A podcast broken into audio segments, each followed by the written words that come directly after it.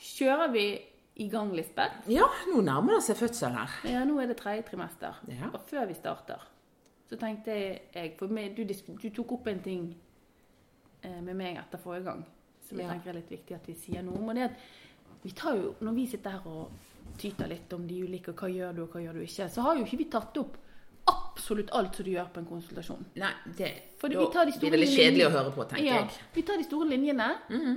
eh, og alle blodprøver og rubeller og resus og alt. Vi vet jo at det skal tas. Men det står jo i retningslinjen. Ja. Så det må jo den Mm. Så enkelte de er ganske jordmor- tydelige. Ja, det må den enkelte jordmor på en måte, og jordmorstudent lese seg opp på sjøl. For det, at det ligger liksom i forventning at du vet hva du skal gjøre, og hvorfor. Men vi har jo snakket mye om hva er nytt, hva hva er lurt. Det er sånn grunninnstilling Ja. egentlig på alle Ja. konsultasjoner. Hva kunnskap må du ha? Men nå har vi altså kommet til eh, tredje trimester. Mm. Ja. Fokuset er helt klart vendt mot fødsel og termindato. ja. Eh, men da er det konsultasjoner i uke 30 2, Ja. 36 og 40. Og, fyr- 32, 36 og 40. Nei, og 38. Ja, nå håper jeg Ja, over. 32, 36, 38 8 og 40. Sant? Så det Mm. er én gang i måneden til slutten, og da er det annenhver uke.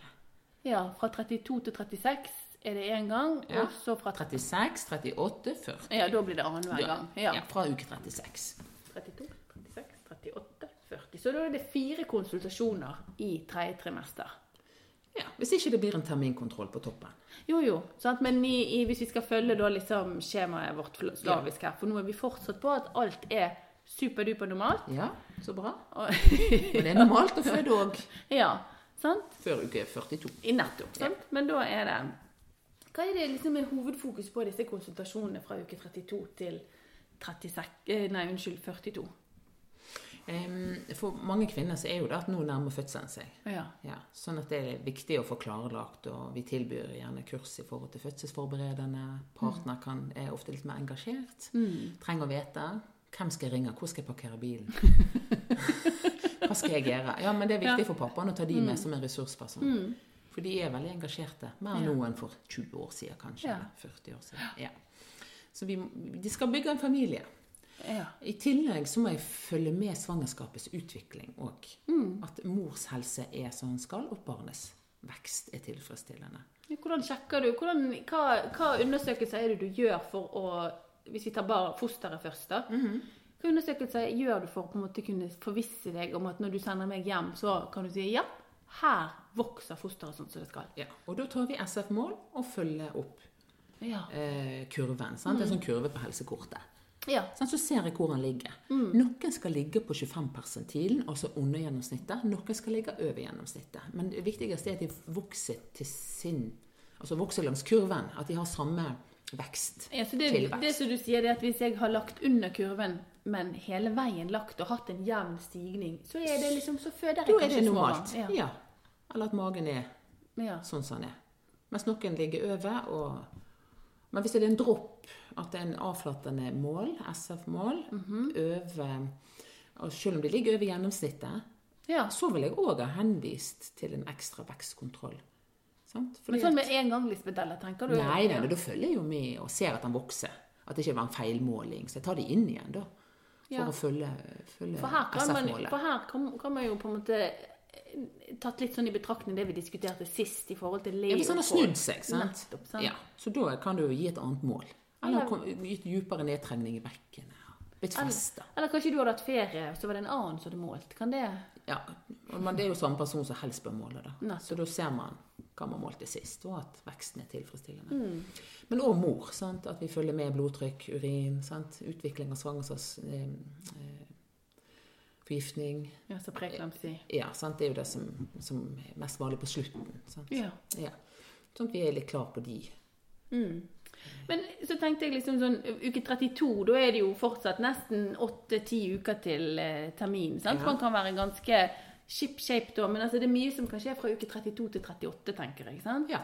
Og fra 37 av så går jo de i permisjon. ja. sant?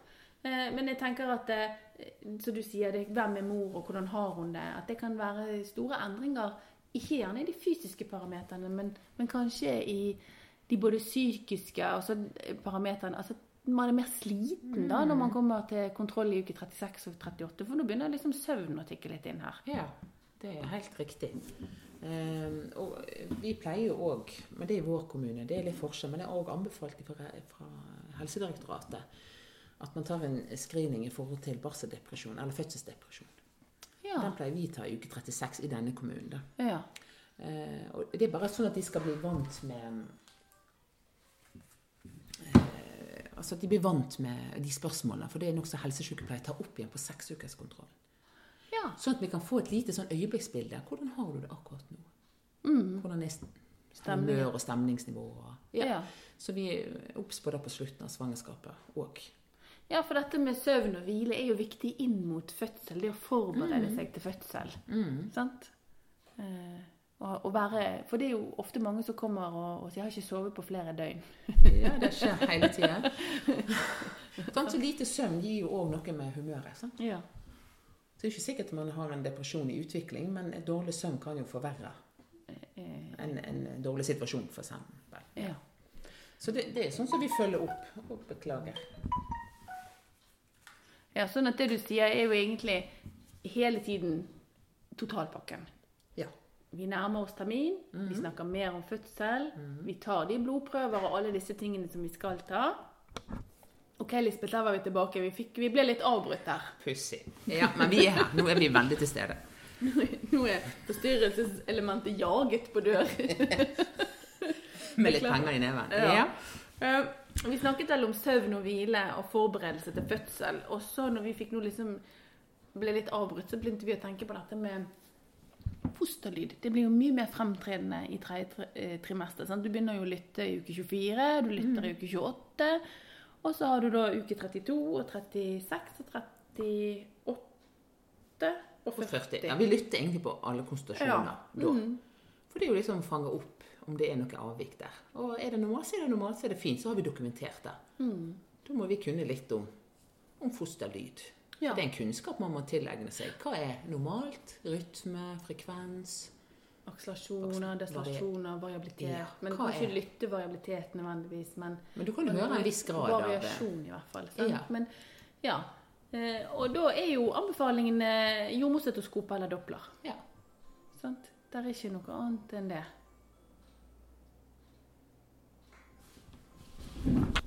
Fosterlyden er jo viktig å følge med på alle konsultasjoner. Det er òg en trygghet for mor. Og fosterlyden er jo en viktig informasjon som vi bringer med oss inn i fødsel òg. Når jeg eh, tar imot en Ja. kvinne, så, så ser jo jeg alltid på fosterlyden, eh, spesielt mot slutten av svangerskapet. Fordi at eh, man sier jo at hvert foster har sin Basal, basalfrekvens. ja. basalfrekvens Grunn. Altså sin grunn, Grunn, grunn, ja. ja. Ja. Sånn at, eh, at det er veldig viktig å benytte helsekortet. Der- Og akkurat det med fosterlyd og leie syns jeg er veldig sånne gode parameter mot slutten av svangerskapet, som er uhyre viktig å, å nytte seg av inn i fødselsarbeidet. Ja, og Her ser vi hvor viktig arbeidet som blir gjort ute, er for at man kan gjøre en god jobb i Mm. Inne. Mm. på fødeavdelingen. Og, ja, og at dette er et viktig bindeledd mellom svangerskapsomsorgen og fødselsomsorgen. Det som skjer hele veien, men kanskje spesielt da mot slutten, der man jobber mye. Sant, For Sist gang så snakket vi jo om det der med at, eh, at i andre trimester, da snakker du egentlig barseltid. Som kanskje kunne tenkes at det var mer naturlig at vi tar fødsel, for det kommer jo først. Og Ja. så tar vi fødsel etterpå. Fordi at nå er de på en måte helt tunet inn på at nå Er fødsel. Ja. Og det er jo klart, den datoen den er veldig magisk, den. ja. Og da er s- er man innstilt på hva som skal skje. Og uke 36 blir jo et sånt viktig eh, uketall i forhold til leie. Ja, uke Hvorfor det? 36. Jo, fordi at eh, dersom det er avvikende leie, Ja. da kan man henvise til spesialisthelsetjeneste. Men når du sier avvikende leie, hva mener du da egentlig? Hodeleie er normalt. Ja. Så hvis det er tverrleie eller seteleie, ja. så eh, ønsker vi å få det eh, undersøkt av spesialisthelsetjeneste. Så det å For å lage en plan for fødsel. Ja, så det å palpere og gjøre opp leie altså i form av Leopold blir jo veldig viktig i tredje trimester. Ja, det er alfa og omega, det. Og, og vite hvordan li- barnet ligger. Ja. Ja. Og det, og det er viktig, sånn som vi diskuterte tidligere i en tidligere podkast, dette også med at eh, et avvikende leie kan påvirke SF-målet. Ja, for hvis det snur seg, sant, så vil Mm. du måle annerledes. Hvis det kommer dypere ned i bekkenet. Ja. Så det er viktig å ha Og nå snakker vi jo også etter uke 36 gjerne om om hodet er festet eller ikke festet i bekkeninngangen. Ja.